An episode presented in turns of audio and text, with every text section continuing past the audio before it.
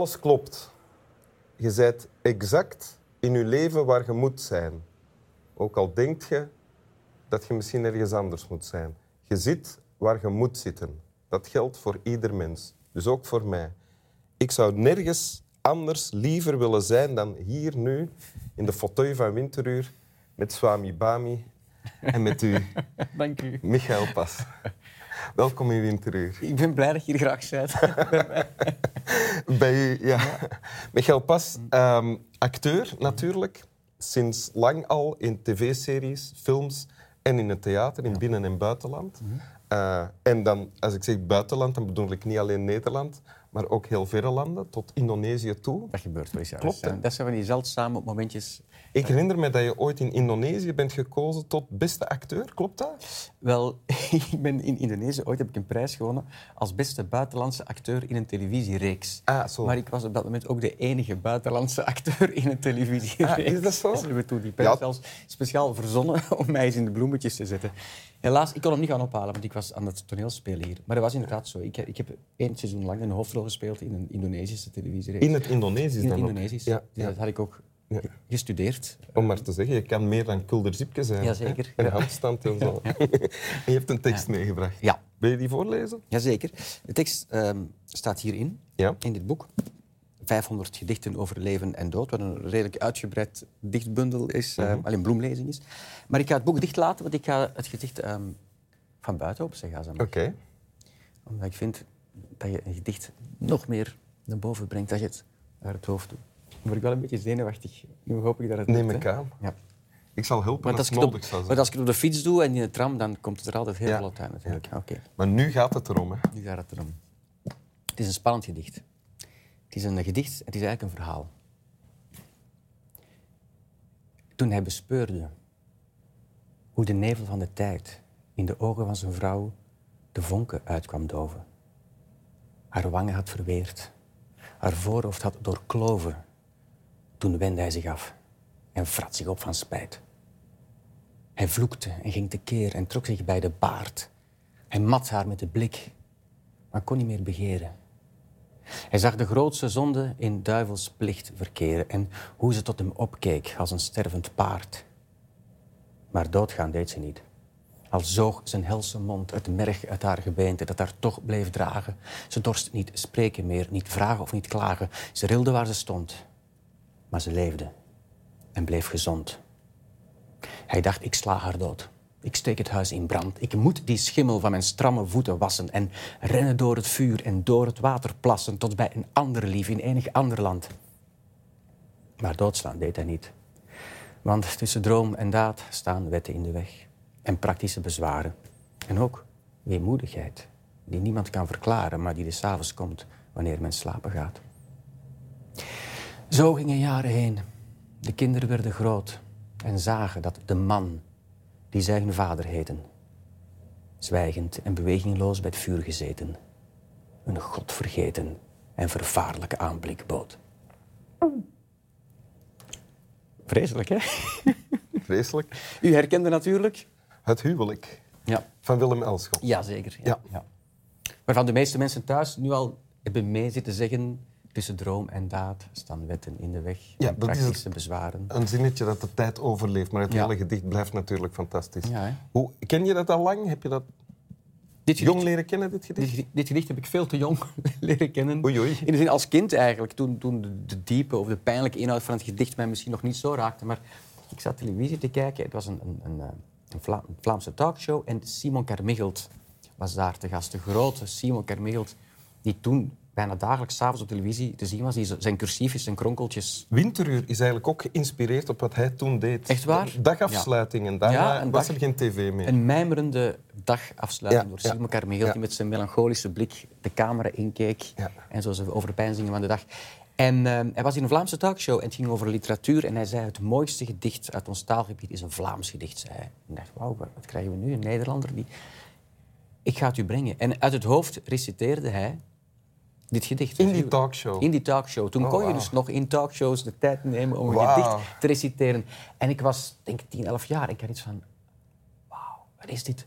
Zo'n meneer die uit het hoofd een gedicht brengt en dat echt als een spannend verhaal en ook hoe hij die laatste zin ook zei, een, een vervaarlijke aanblik. Ja, maar- Godvergeten en vervaarlijke aanblik Ja. bood. Dat was een soort apotheose van een griezelverhaal bijna. Ja, want ik vroeg mij af, hoe klonk dat dan toen in, in eh, het, het hoofd van eh, de tienjarige Michael Pas? Je kon toch nog niet heel het gedicht begrijpen, denk ik. Nee, maar wel het idee natuurlijk van, van, van een man die erover denkt om zijn huis in brand te steken Ja, ja, ja.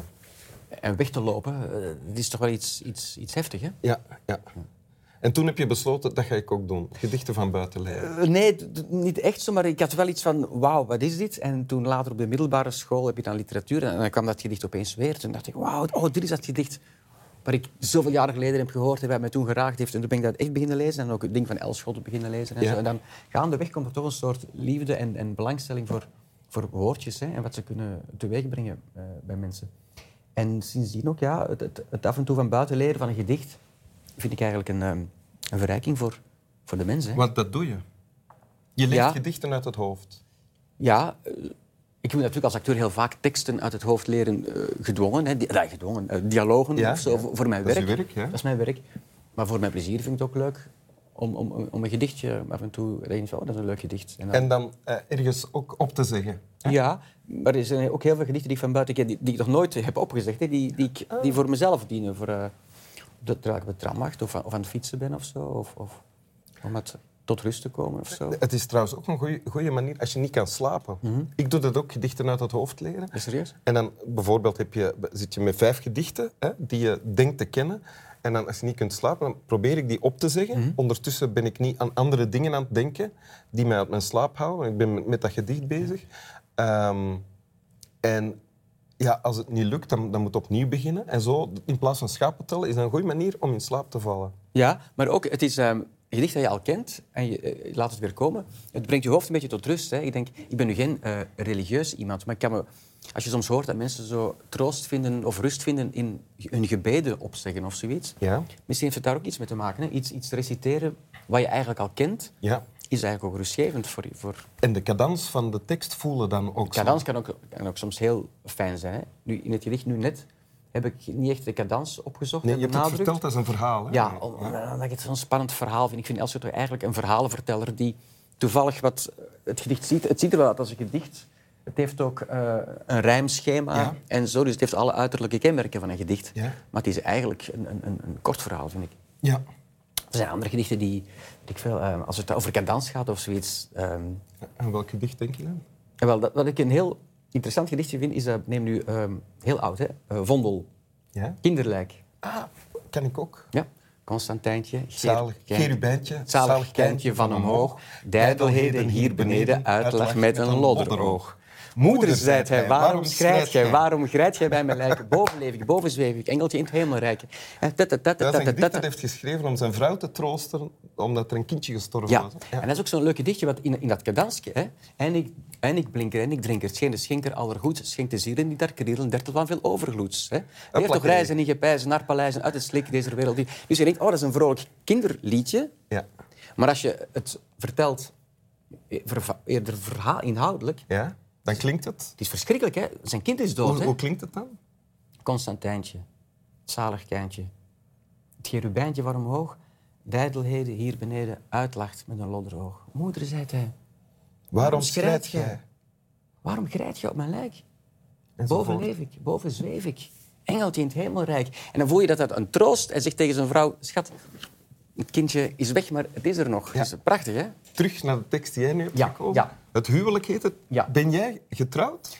Wel, ja, dit is een goede vraag. Die, Dank u. Ehm, ik ben getrouwd, maar ik heb het toch wel 30 jaar voor mij uitgeschoven. Op een of andere manier. Je bent nog maar net getrouwd. Ja, met de vrouw met wie ik al 30 jaar Michael samen ben. is pas getrouwd. Michael, pas getrouwd, ja. Echt waar? Echt waar, ja. Ah ja, na 30 jaar. Ja, Ja. het is eigenlijk een soort omgekeerd... En ik weet niet of het echt iets te maken heeft met dit gedicht, maar je voelt in dit gedicht voel je van Elschot heel erg... ehm, de ja, je hebt de waarschuwing van Elschot ter harte genomen, zou je kunnen zeggen. Ja, dit is een gedicht van Elschot. Volgens mij gaat het niet specifiek ehm, is het een, een, een oppassing of een aanklacht tegen het huwelijk. Maar toen hij het schreef was hij eigenlijk nog niet zo lang getrouwd en was een behoorlijk gelukkig huwelijk, eh, eh, denken we. Ehm, maar Jij was nog jong, hè? Ja. Hij, toen hij dit Ja, schreef, ja. ja. Ja, het was nog aan het begin van zijn huwelijk. Hè, met Fine, denk dat ze twee jaar getrouwd waren of zoiets. En hij schreef het al. En die familie heeft het altijd heel erg gevonden dat dit de grootste hit van Elsevier is geweest. Alsof het een slecht huwelijk was. Dat was het niet. Maar hij voelt dat hij zich wapent tegen... Ik moet altijd zorgen dat ik niet in een situatie terechtkom die door het bekrompen Vlaams-katholiek vooroorlogssfeertje... Ik denk dat vroeger toch een beetje de, de burgerlijke richting die je moest inslaan van ik wil mij nooit vastzetten in mijn leven in iets waar ik niet in wil zitten. Ja. Hè? En ik denk dat we het een beetje zo moeten lezen eigenlijk. Als, ehm, dat uh, waarschuwing tegen, tegen het, de conformiteit en zo. Oké. Wil je het nog eens... Wat wil je doen, voorlezen of opzeggen? Nog eens opzeggen dan. Oké. Ja. Toen hij bespeurde hoe de nevel van de tijd in de ogen van zijn vrouw de vonken uitkwam doven. Haar wangen had verweerd, haar voorhoofd had doorkloven. Toen wendde hij zich af en vrat zich op van spijt. Hij vloekte en hij ging tekeer. En trok zich bij de baard en mat haar met de blik, maar kon niet meer begeren. Hij zag de grootste zonde in duivelsplicht verkeren en hoe ze tot hem opkeek als een stervend paard. Maar doodgaan deed ze niet, al zoog zijn helse mond het merg uit haar gebeente dat haar toch bleef dragen. Ze dorst niet spreken meer, niet vragen of niet klagen. Ze rilde waar ze stond, maar ze leefde en bleef gezond. Hij dacht, ik sla haar dood, ik steek het huis in brand. Ik moet die schimmel van mijn stramme voeten wassen en rennen door het vuur en door het water plassen tot bij een ander lief in enig ander land. Maar doodslaan deed hij niet, want tussen droom en daad staan wetten in de weg en praktische bezwaren. En ook weermoedigheid die niemand kan verklaren, maar die des avonds komt wanneer men slapen gaat. Zo gingen jaren heen. De kinderen werden groot en zagen dat de man die zijn vader heette, bewegingloos en zwijgend bij het vuur gezeten, een godvergeten en vervaarlijke aanblik bood. Dank u. Slaap wel. Als het nog kan. Anders moeten ze gedichten van buiten leren, hè, als het niet kan. Ja. Dat is dat type.